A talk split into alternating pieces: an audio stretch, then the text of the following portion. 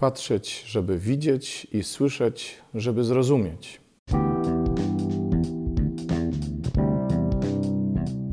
Halo, halo, tu Robert Hecyk i podcast Poznajomości.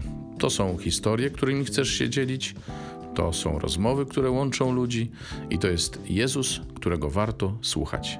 Zapraszam.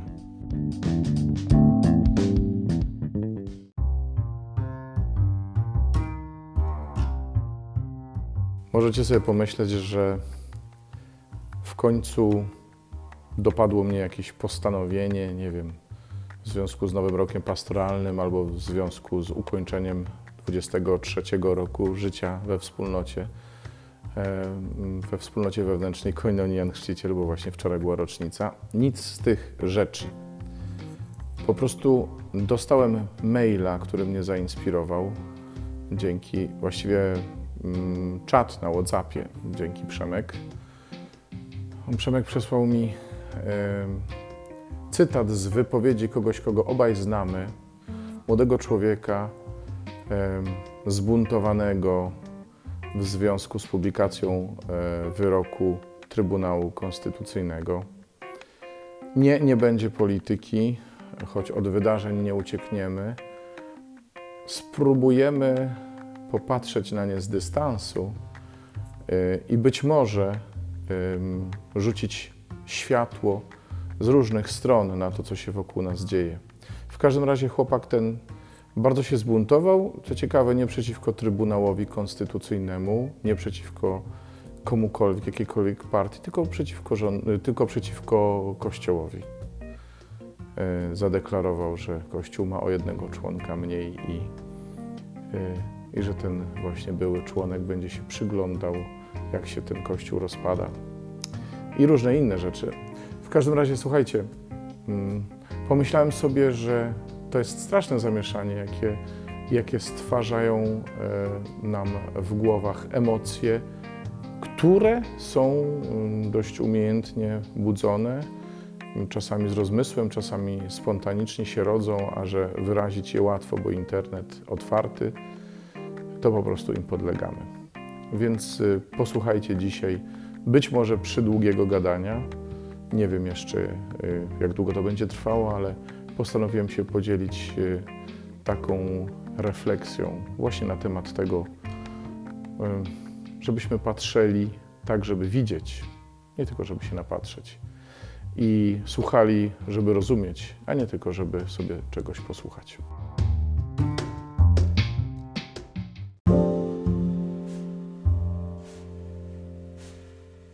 No więc dzieje się ostatnimi czasy.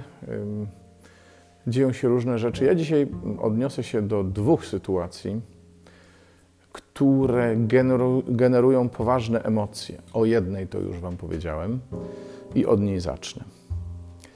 Ostatnio został opublikowany wyrok Trybunału Konstytucyjnego, który określa jako niekonstytucyjny przepis dotyczący przesłanki eugenicznej e, w ustawie e, o ochronie e, płodu ludzkiego i, i pewnych warunkach dopuszczalności przerywania ciąży, tam jeszcze z lat 90.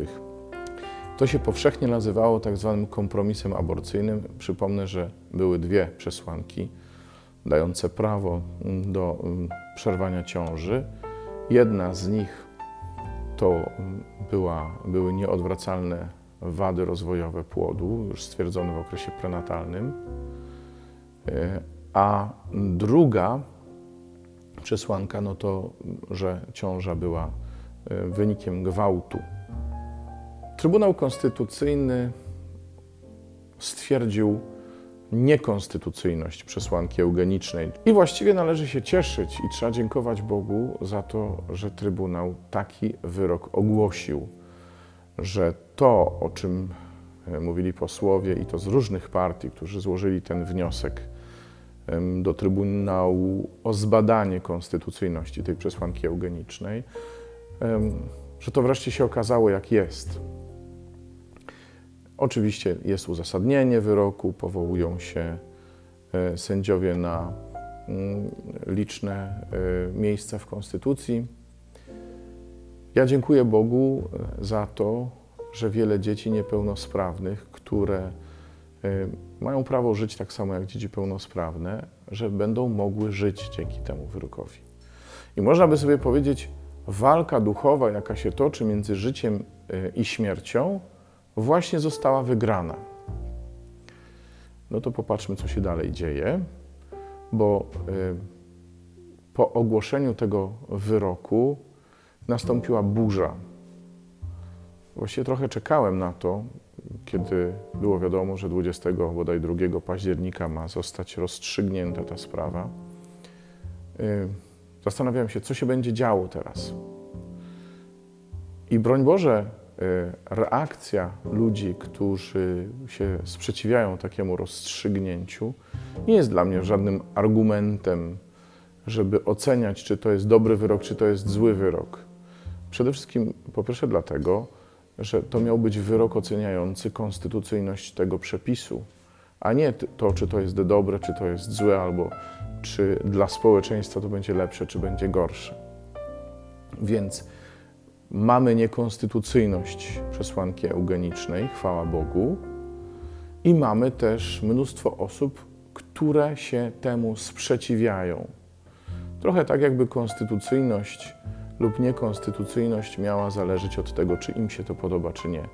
W dużej mierze są to środowiska, które ostatnimi czasy bardzo się na konstytucję powoływały.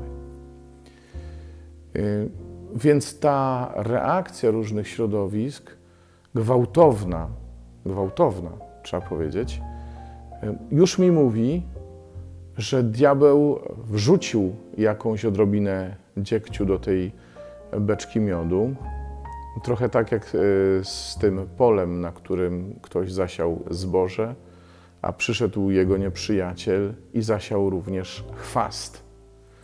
No i można sobie zadawać pytanie, kto zwyciężył, prawda?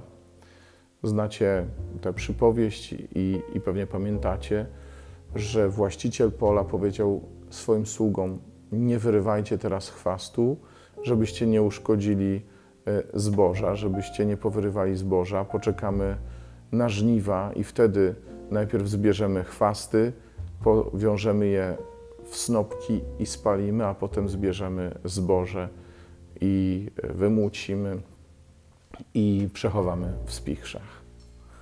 No mamy chyba trochę podobną sytuację, bo to zwycięstwo życia nad śmiercią zostało osiągnięte w bardzo dziwny sposób.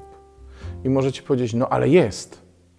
Tak, ale zadajmy sobie pytanie, czy cel uświęca środki? To po pierwsze. A po drugie, i to jest paradoks, czy rzeczywiście celem tych, którzy procedowali tą całą e, sytuację, ten, ten, ten wniosek, e, było rzeczywiście określenie e, konstytucyjności, czy nie. Czy ich celem dzisiaj, w tych dniach było właśnie to? Bo, i tu trzeba sobie sięgnąć do historii, wniosek w Trybunale Konstytucyjnym leżał już w 2017 roku.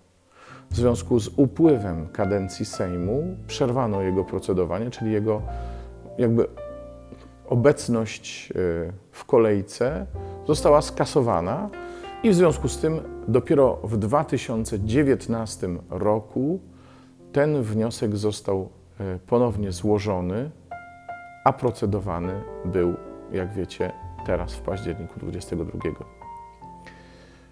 Po drodze w Sejmie była jeszcze e, ustawa za życiem, e, ustawa, która w ogóle zakazywała przerywania ciąży.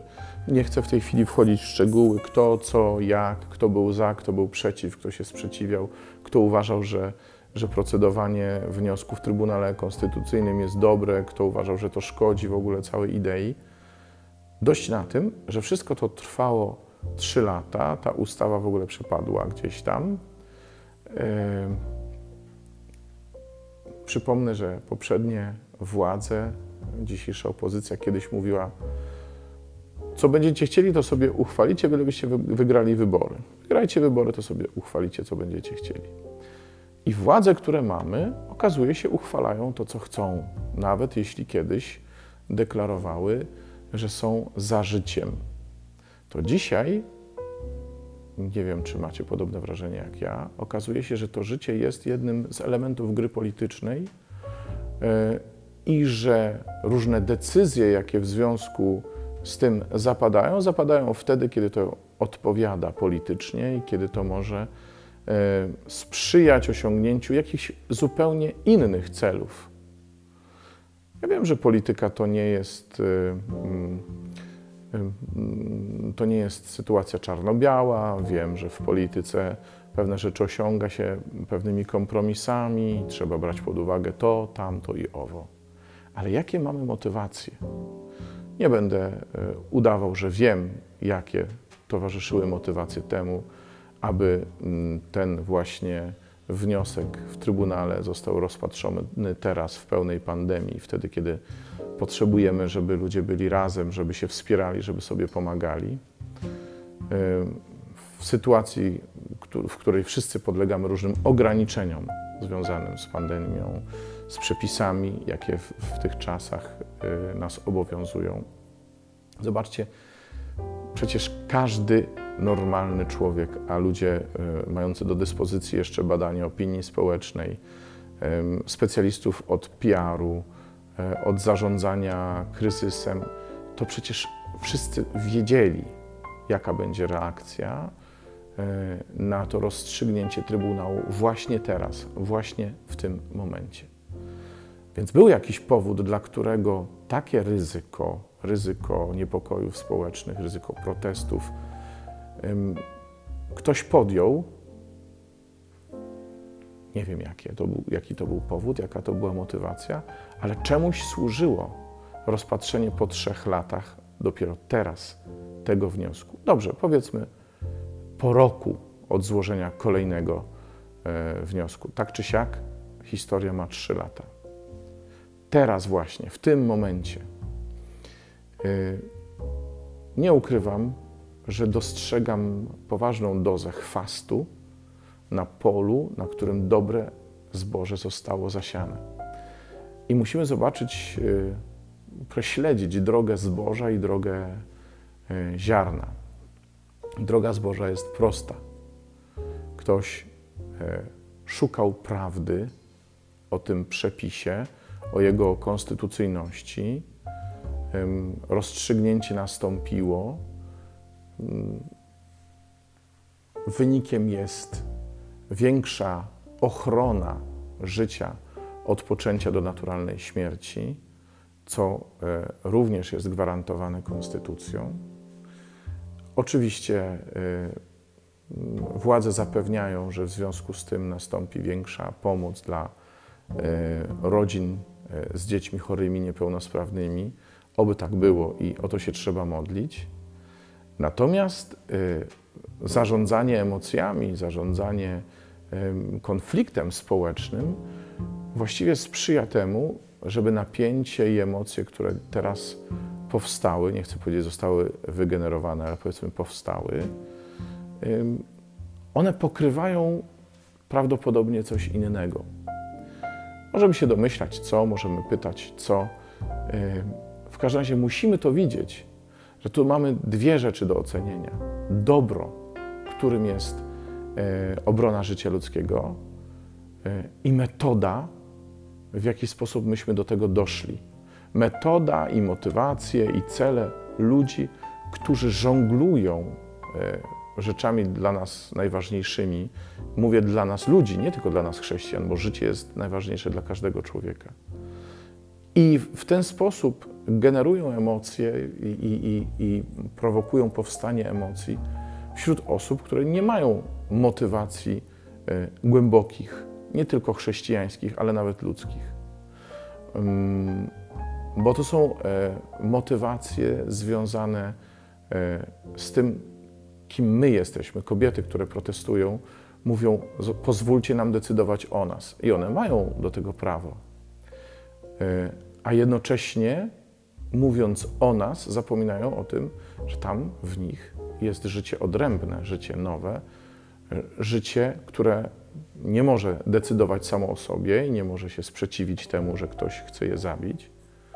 Tak?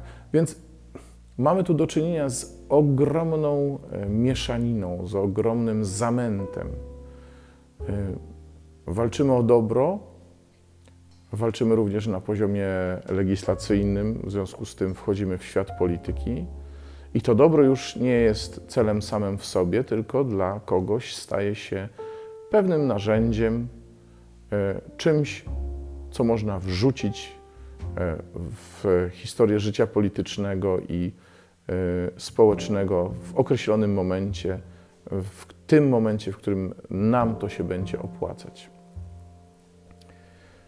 Dużo goryczy jest w tym, o czym mówię, ale chciałbym, żebyśmy umieli widzieć to, na co patrzymy, nie tylko w kategoriach hura wygraliśmy, ale również w kategoriach, jakie to przynosi konsekwencje, jakie procedowanie czy jakie metodologia załatwienia sprawy przynosi konsekwencje wśród ludzi. Bo ci ludzie, którzy dzisiaj tego nie rozumieją i którzy się temu buntują, są również umiłowanymi dziećmi Bożymi.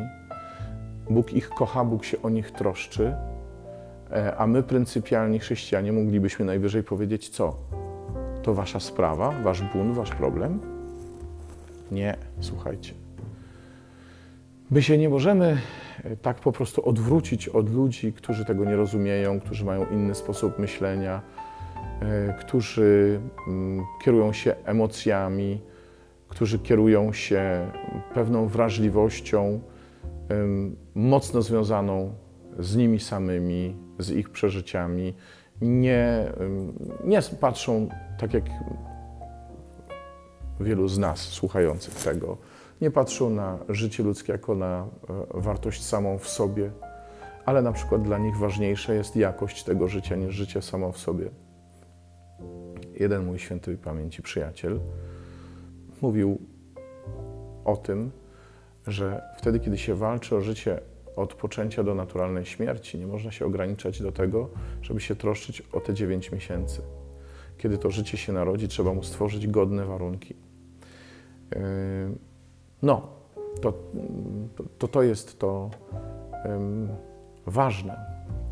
Więc jest to zwycięstwo, a jednocześnie zwycięstwo wmontowane w pewien scenariusz, w którym chodzi o coś zupełnie innego najprawdopodobniej. Yy, to jest takie zwycięstwo, które się nie liczy z ludźmi myślącymi inaczej, odczuwającymi inaczej. A przecież oni zasługują na to, żeby ich wrażliwość uszanować i żeby cokolwiek robimy w tak delikatnej materii, rozmawiać. Rozmawiać. Politycy widać nie mają czasu na to, e, żeby ratować czyjeś serca, czyjeś sumienia. My, księża, czasami też jesteśmy zbyt prości w tym, bo myślimy sobie pryncypialnie o tym, że życie jest wartością nadrzędną, bo jest.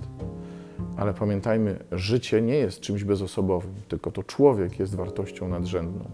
Jego życie, tak, jego godność, tak, ale ci żyjący i rozmawiający i wyrażający swoje opinie ludzie również są wartością nadrzędną, to znaczy są kimś, z, z kim trzeba rozmawiać, z kim trzeba się dzielić, kogo trzeba być może ewangelizować w sensie takim, że mówić mu o dobrej nowinie, nie tylko w sensie chrześcijańskim, ale pokazywać wartość tego życia, a nie tylko nakazywać przestrzeganie pewnych przepisów. Cała kwestia motywacji, cała kwestia społecznego umieszczenia takiego, takiej sytuacji prawnej wśród różnych emocji, wśród y, różnych zdań odrębnych, zdań sprzecznych, przeciwnych temu rozstrzygnięciu. Bóg kocha nie tylko tych, którzy bronią życia. Bóg kocha również tych, którzy tego życia nie cenią i którzy przede wszystkim myślą o życiu własnym, E, o tym, że to życie może doznać zmian i uszczerbku wtedy, e, kiedy będzie się musiało podzielić z innym życiem, życiem, które właśnie się rodzi i być może jest to życie trudne, bo życie chore, życie niepełnosprawne. Więc to mamy jedną historię. A druga historia to jest historia, może mi się uda ją krócej nieco opowiedzieć. Mm, to jest historia mm, emocji znów wygenerowanych ostatnio e, publikacjami związanymi z filmem, w którym papież wypowiada się na temat, e, mm, na temat e, osób homoseksualnych. Bardzo możliwe, że powinienem tutaj jakieś cytaty i tak dalej, tak dalej, ale cytaty to sobie każdy z nas może znaleźć w internecie. W każdym razie papież mówił o tym, że e, oni mają prawo do życia w rodzinie i tu chodziło przede wszystkim e, o, e, o to, żeby rodziny osób homoseksualnych nie odrzucały ich tylko dlatego, że są homoseksualni, że tak, taką wrażliwość mają ale też e, mówił o mm, związkach, o, o, o osobach, które żyją ze sobą. E, I tu nie będę się wdawał w tłumaczenia i w różnice między hiszpańskim, włoskim i innymi e, rozumieniami tych wszystkich sformułowań, ale chodziło o to, aby państwo, aby prawo chroniło osoby, które żyją w ten sposób i dawało im możliwość godnego bycia ze sobą. To jest kwestia, e, to są kwestie medyczne, prawne, nie wiem, e, e, zachowywania privacy i dzielenia się tą privacy w sytuacji, w której się ze sobą żyje. Nie wiem, możesz odebrać list kogoś, z kim mieszkasz, do kogoś, z kim mieszkasz, na przykład, tak jak to jest w rodzinie, nie mówiąc w ogóle o tym, że to ma być rodzina. Papież nigdzie nie mówił o małżeństwach e, osób homoseksualnych. Papież nigdzie nie mówił o tym, że, że to są osoby, e, które Kościół błogosławi e, w ich sposobie życia, ale mówił o bronieniu ich. I zobaczcie, papież wszędzie mówi o tym, że małżeństwem jest związek sakramentalny mężczyzny i kobiety. Ale papież, jak popatrzycie mm, w, w dokumencie e, Amoris Leticia. E, zobaczycie, że tam e, papież w taki pastoralny sposób podchodzi również do osób żyjących ze sobą w takich związkach nieformalnych i związkach cywilnych. Podchodzi bardzo po pastersku do osób, które zawarły ponowne związki cywilne, mimo że mają E, mm, za sobą związek sakramentalny, że zawarły związek sakramentalny i nigdzie nie mówi o zmianie podejścia e, ewangelicznego, bo podejście ewangeliczne jest jasne. E, co Bóg złączył, człowiek niech nie rozdziela. Natomiast papież mówi o tym, że trzeba takim osobom towarzyszyć, że trzeba umiejętnie rozaznać sytuację, w jakiej się znalazły, tak aby im pomóc, tak, jakby, tak aby te osoby mogły osiągnąć dobro, osiągnąć spotkanie z Panem i też e, żyć w możliwie najlepszy sposób, w jaki się da w tych konkretnych okolicznościach. Oczywiście cały hałas, jaki był wokół Amoris Laetitia, dotyczył Komunii Świętej. E, że niby papież e, zgadza się na przyjmowanie Komunii Świętej przez takie osoby. Tymczasem papież mówił o tym, że trzeba im towarzyszyć i rozeznawać sytuacje, w których ewentualnie należałoby ocenić odpowiedzialność i rzeczywiście de facto stan grzechu ciężkiego, czy nie. E, tej konkretnej sytuacji, w której te konkretne osoby żyją. Mm, I to upraszczanie dokonuje się również w ocenach takich wypowiedzi jak ta o e, osobach homoseksualnych, papież e, przez cały czas broni tych osób, w sensie broni ich godności, e, broni ich prawa do godnego życia, nigdzie nie błogosławiąc grzechu jako grzechu. Bo oczywiście możemy myśleć sobie o tym, że mieszkanie osób homoseksualnych ze sobą może powodować to, że one popełniają grzechy, ale nigdzie nie jest napisane, że one rzeczywiście te, te grzechy popełniają. Więc godność osób e, jest wartością, o którą się papież troszczy, nie z podejrzliwością, o, oni na pewno zgrzeszą, tylko z myślą o tym, że każdy człowiek ma prawo do godnego życia. A potem jest y, oczywiście cała, y, cały, y, cała stopniowość jakby tej drogi od godnego życia do poznawania coraz głębszego e, e, prawdy chrześcijańskiej. Ten, kto się nawróci, ten, kto przyjmie Jezusa, ten, kto przyjmie Jego Ewangelię, będzie miał motywację do tego, żeby ewentualnie zmienić swoje życie. Ale my nie żyjemy tylko wśród osób wierzących, i papież o tym wie, że nie żyjemy tylko wśród osób wierzących. I my, chrześcijanie, nie możemy się troszczyć tylko o to, e, żeby nasza wiara była czysta. Ale chrześcijanie to są ci, którzy mają się troszczyć o każdego człowieka. Wczoraj e, była, były takie piękne czytania, nagrałem, jak pamiętacie, podcast z homilią na ten temat. Bóg ma człowieka zawsze przed oczyma i człowiek jest najważniejszy dla Boga. I kiedy my mm, mamy e, przykazanie miłości Boga, to z nim jest od razu związane przykazanie miłości bliźniego, bo jak mówi święty Jan w pierwszym liście, nie może mówić, że kocha Boga, którego nie widzi. Ten, kto nie miłuje bliźniego, którego widzi, którego ma przy sobie, który, który stoi przed nim i jest wyzwaniem dla niego.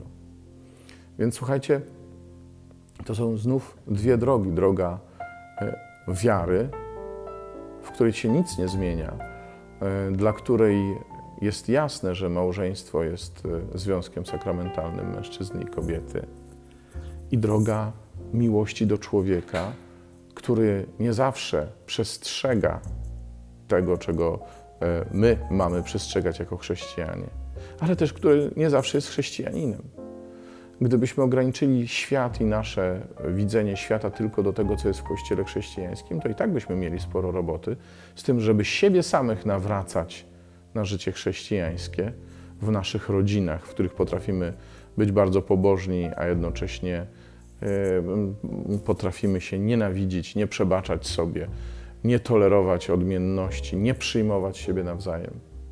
Tymczasem świat jest dużo szerszy i na świecie są wyznawcy innych religii, na świecie są osoby niewierzące, na świecie są osoby, które się deklarują jako osoby homoseksualne i my się nie chcemy stawać tacy jak oni, bo to nie, nie o to chodzi, ale musimy ich przyjąć, tak jak Bóg ich przyjmuje. Bóg nie kocha grzechu, ale zawsze kocha grzesznika. Poza tym pamiętajcie, że to, co jest obiektywnie dobre czy obiektywnie złe, w człowieku, który nie przyjął Boga, nie przyjął Jego Ewangelii, w nim to nie jest kwestia grzechu czy nie grzechu. W nim to jest kwestia słuchania bądź niesłuchania sumienia. Życie w określonych okolicznościach, w świecie, który dzisiaj właściwie w niczym nie widzi zła, deprawuje sumienie. I człowiek czasem nie ma się do czego odwołać. To nie jest jakaś tajemnicza władza Boga nad człowiekiem sumienie. Sumienie to jest coś naturalnego w człowieku, co można zanieczyścić, co można zabrudzić. I wtedy jest bardzo trudno odwołać się do Ewangelii, kiedy żyje się w określony sposób, w określonych okolicznościach. Więc my, zamiast pryncypialnie e, oburzać się na, na przykład na papieża, który ma wrażliwość na te osoby, powinniśmy się raczej zapytać o to, czy my mamy wystarczającą wrażliwość na drugiego człowieka. Czy też może troszczymy się o to tylko, żebyśmy to my okazali się świętymi, nieskalanymi, takimi, których na pewno do nieba wpuszczą. Jeśli będę się troszczył o to, żeby mnie do nieba wpuścili, bardziej niż o to, żeby tam trafili inni, wcale nie mam pewności, że się tam znajdę, bo myślę jednak o sobie. No dobrze, bo przeszliśmy już na takie dość duchowo-religijne e, mm, poziomy.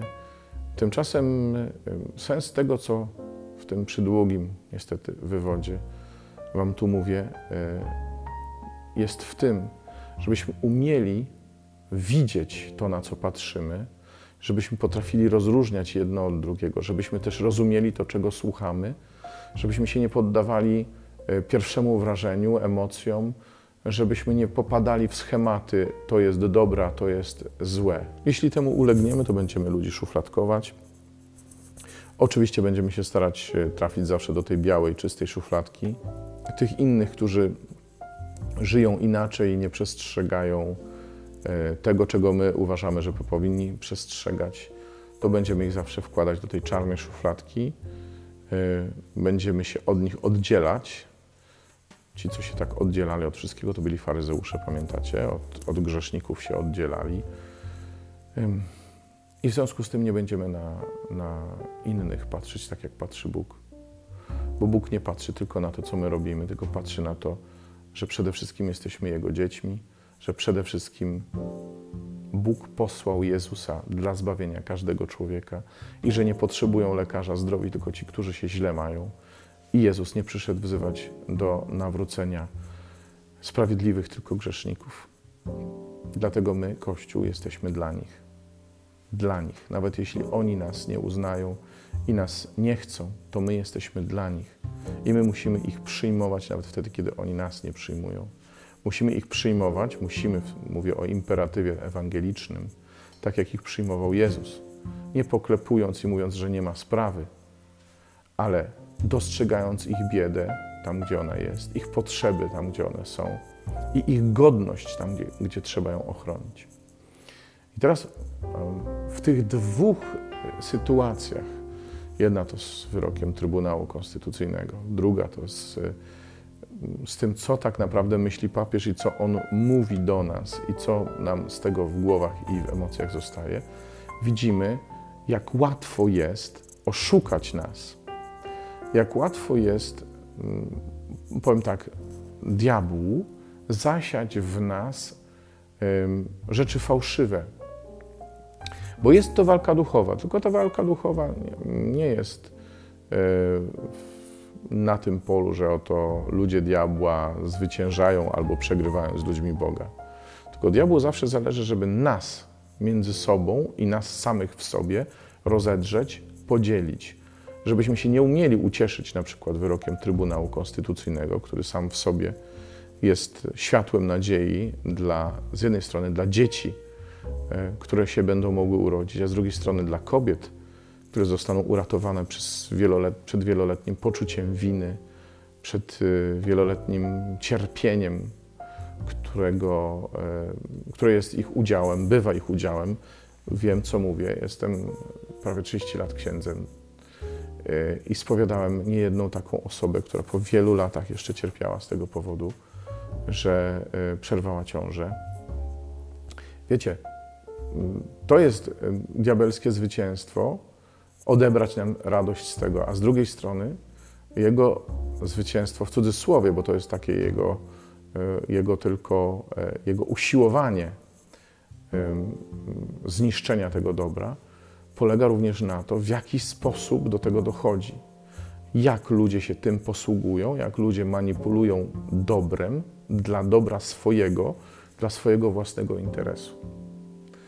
Y, I ta druga sytuacja, w której y, coś, co ma wszelkie pozory herezji, niby, y, tak bywa opisywane i opowiadane przez pryncypialnych, mocno fundamentalistycznych wierzących, okazuje się czymś zupełnie innym wtedy, kiedy to właściwie obejrzeć, usłyszeć, nabrać dystansu do generowanych emocji i popatrzeć na to w duchu Ewangelii. Nie poddawajcie się ludzie, kochani moi przyjaciele, znajomi i ich znajomi. Nie poddawajcie się tym bańkom informacyjnym, które notabene e, z naszej własnej winy popadamy. Bo e, czytając, oglądając e, treści tylko o jednoznacznie wydźwięku jednoznacznie zgodnym z naszym najgłębszym przekonaniem. Nie słuchamy, nie patrzymy na to, jak na sprawy patrzą inni i nie potrafimy dostrzec dobra, tych pierwiastków, okruchów dobra, które są e, nie wszędzie tam, gdzie ja jestem, ale są także gdzie indziej, pośród chwastów. I są takie pola, gdzie więcej znajdziecie ziaren, a mniej chwastów będziecie się na nich dobrze czuli, ale są takie pola, na których chwast będzie was pozornie odrzucał, Ale gdy się dobrze przyjrzycie, znajdziecie tam i ziarno, które Bóg ostatecznie chce ochronić, nawet przed nawałą chwastu. Więc życzę sobie i Wam, żebyśmy umieli oddzielać jedno od drugiego, widzieć dobro tam, gdzie ono jest yy, i nie potępiać tych, których Bóg nie potępił, żebyśmy też umieli oceniać yy, nawet zwycięstwo dobra, patrząc także na tych, dla których to nie jest zwycięstwo, dla których to jest coś złowrogiego, coś złego. Musimy ich widzieć. Ich Bóg też kocha. I my, wierzący, jesteśmy posłani do nich, żeby w nich budzić nadzieję, żeby pomóc im też odgrzebać swoje sumienie. Nie przez to, że będziemy mówić, że to my mamy rację, ale przez to, że my ich docenimy w tym, kim są, że będziemy widzieć dobro, które w nich jest, bo w wielu z nich jest też dobro, którego czasami nie widać, zwłaszcza wtedy, kiedy, kiedy górę bierze bunt, emocje, złość.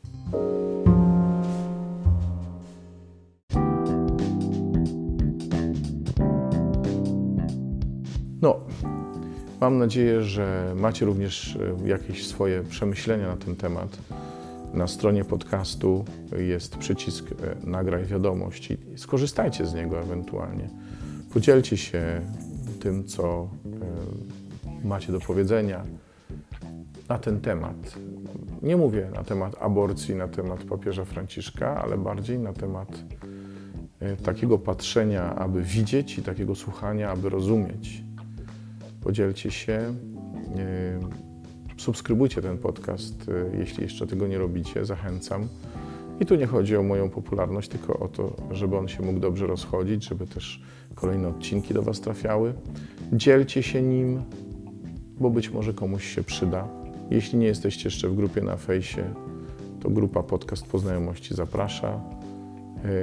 Zapraszajcie też innych swoich znajomych, żeby dołączyli do grona, którym my jesteśmy i żebyśmy się stali znajomymi, przyjaciółmi. Może kiedyś uda nam się jakoś spotkać, kto to wie.